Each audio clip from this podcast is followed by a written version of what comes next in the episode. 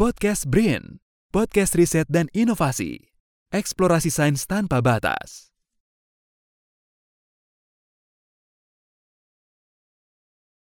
Berjumpa lagi dengan saya Bobby untuk podcast Badan Riset dan Inovasi Nasional. Masih dalam rangkaian episode Teknologi Digital dan Penelitian Sosial, Sciences dan Humaniora di Era Digital. Dalam episode kali ini sudah hadir di tengah kita Dimas Sony Dewantara atau biasa dipanggil Dimas. Dimas ini adalah analis data ilmiah di Pusat Data dan Informasi atau Pusdatin BRIN dan dengan latar belakang pendidikan Dimas adalah seorang IT, Dimas akan bercerita mengenai pemanfaatan data digital untuk riset sosial humaniora. Dalam era digital seperti sekarang, data menjadi sesuatu yang sangat berharga. Dari data digital dapat dilakukan untuk monetasi, kemudian analisa perilaku individu dan advertisement, riset pasar, proyeksi harian, hingga early warning system maupun evaluasi kebijakan. Melalui digitalisasi data, aktivitas di suatu sektor akan terkoneksi secara langsung dengan sektor lain. Seperti misalnya pada saat kita melakukan pergerakan atau mobilitas, eh, tiba-tiba di mobile phone kita akan muncul iklan mengenai restoran terdekat dengan uh, diskon misalnya. Atau pada saat kita sedang membrowser terhadap uh, internet misalnya atau beraktivitas di sosial media, ada algoritma di situ yang bekerja kemudian muncul di sosial media atau di browser kita mengenai apa yang sedang kita cari. Uh, terakhir saya sempat baca berita bukan hanya interest pada mesin pencarian atau algoritma pada sosial media, pengumpulan data digital pun sudah merambah pada uh, mesin yang diperintah melalui pesan suara. Yang ini kemudian termanifestasi melalui uh, sosial media terkait dengan apa yang sering kata yang sering kita ucapkan melalui perintah sosial perintah suara tersebut. Dan bagaimana menurut Dimas melihat perkembangan digitalisasi data saat ini? Baik, uh, selamat siang Mas Bobi. Siang. Oke, mungkin lebih ke cerita pengalaman aja Mas Mubi ya. Terkait dari digitalnya sekarang ini kan kita apa ya uh, memasuki era baru, big data ya. Big data dalam artian setiap uh, aktivitas kita, interaksi kita semua terrecord sebenarnya kan. Mm-hmm. Gitu. Nah itu yang digunakan oleh uh, stakeholder dalam artian stakeholder data, pihak-pihak uh, yang berusaha untuk menganalisa perilaku kita dari data sosial tadi itu, seperti itu. Dan uh, dikaitkan misal kita kaitkan dengan konteks penelitian, apakah era digital ini dapat dimanfaatkan untuk mendukung riset, terutama penelitian-penelitian tentang sosial humaniora misalnya? Iya. Oke, okay. uh, eh, yang saya lihat ya dari apa yang sedang terjadi sekarang itu lebih ke lebih ke memaksa ya Mas Ubi ya sebenarnya hmm. untuk meneliti, terutama di penelitian sosial untuk beralih dari tradisi uh, penelitian yang konvensional mm -hmm. menuju ke uh, apa era digital ya terutama gitu karena sekarang data itu kan kita istilahnya kebanjiran Mas Bobi banjiran yeah, data yeah, ya yeah. Uh, uh, semua data itu kan uh, big data terutama terutama data yang ter apa yang unstruktur ya yang tidak terstruktur itu kan apa perkembangannya variasi datanya itu luar biasa sekarang dan itu sebenarnya peluang yang sangat besar bagi saya lihat ya bagi peneliti sosial terutama untuk bisa lebih uh, mengambil data yang representatif hmm. dari interaksi masyarakat di luar sana seperti itu. Uh, saya ingat tahun lalu kita mengadakan metode riset digital dan uh, pertama kalinya juga waktu itu karena tentu karena ada pandemi yang kita dipaksa untuk bertransformasi uh, karena ada pembatasan sosial kita tidak bisa melakukan penelitian ke lapangan. Nah, uh, tetapi ada beberapa hal misalnya ada relaktan dari peneliti yang melihat bahwa Eh, kita tidak perlu bertransformasi ke penelitian eh, digital kita tetap saja melakukan penelitian uh, artinya melihat bahwa penelitian konvensional dipandang masih relevan seperti sekarang. Nah, menurut Dimas bagaimana tentang kondisi seperti sekarang?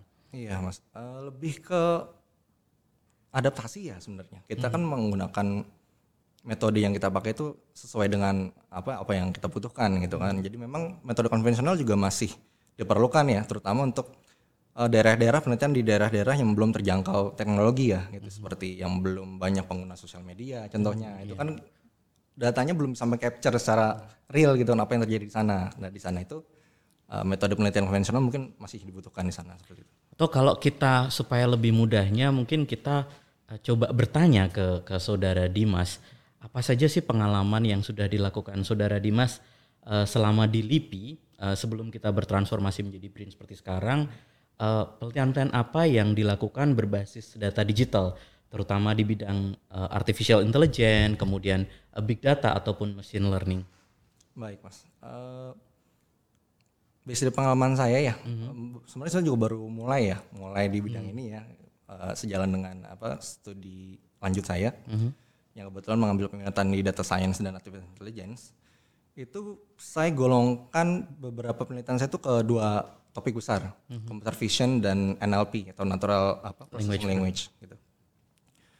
Uh, untuk computer vision saya pernah ya bersama teman-teman mengembangkan suatu model ya sebenarnya model deep learning mm-hmm. di sini saya pakai deep learning untuk uh, identifikasi itu mas spesies anggrek liar oh, okay. uh, yang endemik Indonesia dan iya. dilindungi. Yeah. Mm-hmm. Ini berangkat dari prihatinan saya melihat bahwa spesies tertentu tuh diperjualbelikan secara bebas gitu padahal ada peraturan pemerintah yang jelas-jelas melindungi spesies tersebut diperjualbelikan gitu. Jadi ini lebih ke apa sih nanti implementasinya ke e-commerce terutama mm-hmm. jadi mungkin nanti kalau ada pengembangannya lagi lebih ke bisa kayak preventif dalam artian sistem ini mendeteksi uh, apa sih transaksi yang sebenarnya ilegal gitu tapi di tapi tetap dilakukan gitu jadi ada penjagaan di situ gitu atau mungkin uh, menjadi sesuatu yang lebih lebih mudah dimengerti nih kira-kira apa sih kekuatan riset berbasis data digital dibandingkan menggunakan data konvensional. Hmm. Yang dalam hal ini bukan berarti bahwa penelitian uh, dengan data konvensional itu tidak lebih baik dengan data digital, tetapi uh, karena kita sekarang masuk di era digital yang mana uh, hampir sepertiga kehidupan kita dihabiskan di uh, digital. Yeah. Uh, data statistik 2021 Indonesia itu untuk masyarakat Indonesia secara umum sudah hampir 75% uh, sudah mengakses internet dan lebih dari 8 jam itu dihabiskan untuk uh, berbasis internet baik bekerja, belajar, kemudian berbelanja.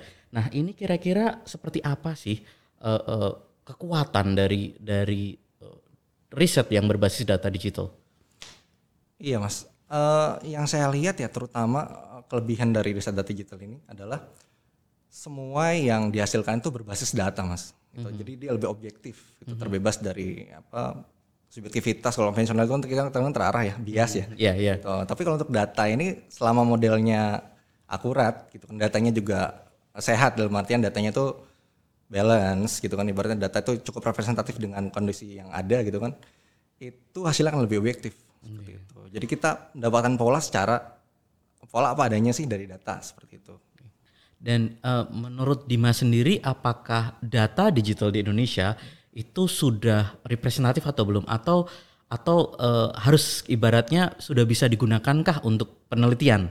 Kira-kira data-data digital artinya sudah sudah memenuhi kriteria kalau di luar kan memang mature ya.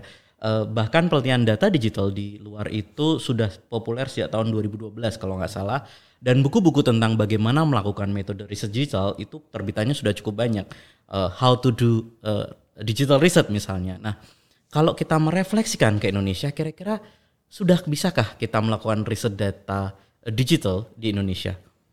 Baik mas, yang saya soroti mungkin kembali ke poin tadi ya, bahwa coveran eh, perkembangan teknologi ini dan Indonesia ini belum rata ya sebenarnya. Ada beberapa hmm. daerah yang mungkin belum apa tingkat uh, penggunaan teknologi itu belum sama dengan apa, katakan Jakarta atau kota besar lainnya seperti itu kan. Jadi mungkin memang perlu riset kembali ya untuk seperti semacam survei mungkin, survei untuk melihat keakuratan dari representasi data yang dihasilkan dari contoh kita ambil contoh sosial media hmm. itu dengan kondisi faktual seperti apa gitu. Oke. Artinya bahwa uh, digital uh, digitalisasi itu masih masih cenderung inklusif dan ini sebenarnya tidak tidak terjadi hanya di Indonesia, di Amerika pun uh, mengalami hal yang sama. Jadi uh, tingkat digitalisasi di perkotaan itu lebih tinggi. Hmm. Uh, kemudian tingkat tingkat pendapatan juga uh, menengah ke atas itu biasanya lebih terdigitalisasi dibandingkan dengan tingkat pendapatan menengah. Tetapi kalau artinya bukan tidak menutup kemungkinan kan, artinya kita tetap masih bisa melakukan riset digital meskipun ya masih masih disparitasnya terutama misalnya daerah-daerah terluar di Indonesia belum terdigitalisasi seperti di uh, Jawa misalnya.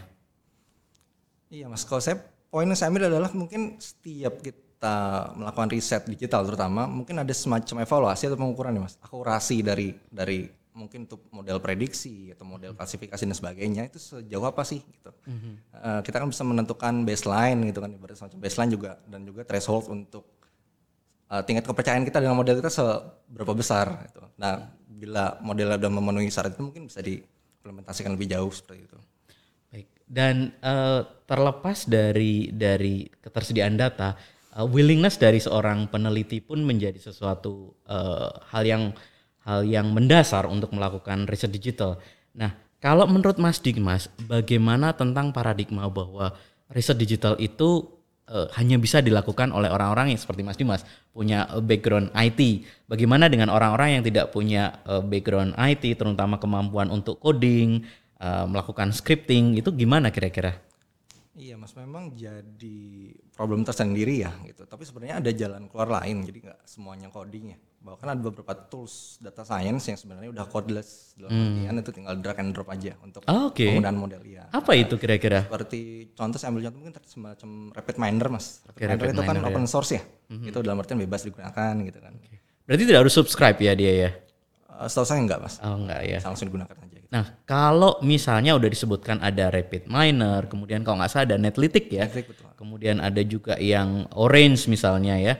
Eh, Kira-kira buat orang-orang seperti saya, misalnya saya tidak punya background IT, harus mulai dari mana ya eh, supaya bisa belajar dengan data digital? Tadi yang disampaikan Dimas bahwa eh, data digital punya coverage yang lebih luas dan pada saat kemampuan cleaning data itu eh, baik, maka dia bisa lebih akurat eh, dibandingkan data konvensional misalnya yang survei langsung. Nah, kira-kira harus mulai dari mana nih eh, buat seseorang yang tanpa basis IT, basic IT untuk belajar riset digital? Iya mas, kalau yang saya lihat lebih ke goalnya dulu ya. Loh. Jadi penelitian itu kita harus tahu dulu nanti mau seperti apa hasil yang mau dihasilkan gitu kan. Oke, main message-nya apa gitu ya? betul. Lalu kemudian juga ya harus adaptasi dengan data science sih mas. Gitu. Data science, ya. Mhm. eh, Sekarang penerapannya kan bisa ke semua disiplin ilmu ya. Gitu. Jadi bukan lagi ilmu yang apa spesialis untuk eh, satu katakan untuk eh, IT misalnya gitu enggak juga gitu. Mhm.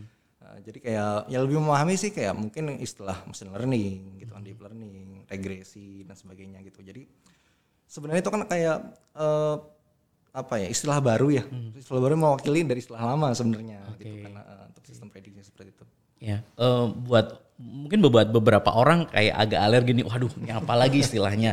Tapi kira-kira apakah eh, Dimas bisa merekomendasikan kira-kira ada nggak sih website atau eh, free course untuk belajar riset digital? Tadi yang kira-kira artinya punya framework, oh riset digital itu seperti ini. Kira-kira bisa belajar secara mandiri dengan website yang apa ya? Adakah rekomendasinya?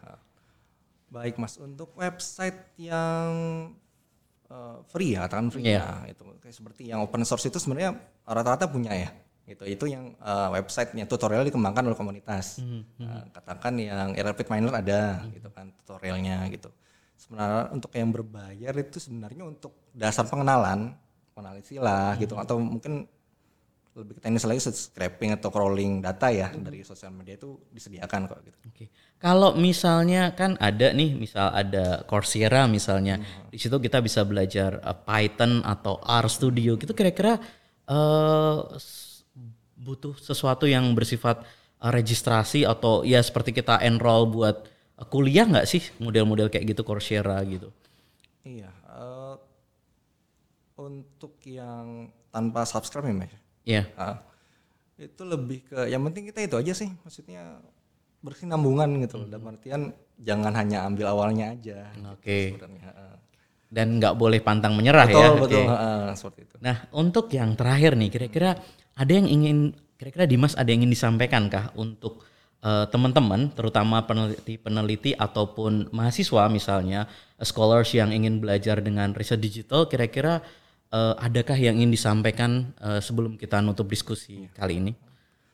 Baik mas, sebelumnya juga saya masih belajar ya. Gitu. Cuman ya dari pengalaman yang saya ambil adalah yaitu kita harus memang harus beradaptasi ya, karena memang tuntutannya sekarang seperti itu, gitu kan dalam artian kita ini dalam kondisi banjiran data, gitu. Iya. data yang sebenarnya tuh nilainya tidak ternilai bahkan gitu kan, karena memang benar-benar data yang real dalam artian betul. ah, benar-benar ya apa adanya gitu loh, dihasilkan dari interaksi media sekarang gitu kan. Jadi ya harus adaptasi ke arah situ gitu dan tadi jangan alergi ya untuk, untuk perubahan gitu kan juga ya itu jangan jangan mantap menyerah. Berarti tetap kita harus bertransformasi. Uh, dan tanpa kita sadari setiap kita melakukan aktivitas sehari-hari, kita mengcreate data digital uh, dari uh, sekedar mobility kita, kemudian apa yang kita sukai, apa yang kita tonton, bahkan uh, apa yang kita beli melalui misalnya platform uh, jual beli online misalnya itu menjadi sesuatu data digital. Dan pada saat ini diakumulasikan ini akan bernilai uh, secara ekonomis itu sangat besar terutama jika dikaitkan dengan bisnis-bisnis uh, yang terkini dan uh, dari yang disampaikan Dimas membuka pemahaman bahwa uh, data digital sangat berpotensi strategis untuk uh, sumber data penelitian sosial humaniora yang tentunya kita tidak harus punya latar belakang IT untuk belajar itu. Namun bisa belajar mandiri. Tadi yang disebutkan uh, Dimas ada beberapa uh, website ataupun beberapa course yang gratis yang kita bisa belajar di situ. Dan alternatifnya jika memang kita sudah belajar tapi mentok untuk coding atau script, maka kita bisa berkolaborasi dengan seperti Dimas misalnya uh, spesialis IT yang sudah terbiasa untuk melakukan coding dan uh, atau sekarang lebih sering disebut sebagai data scientist. Nah, apa itu data scientist? Nantikan di episode podcast selanjutnya. Demikian, salam Brin.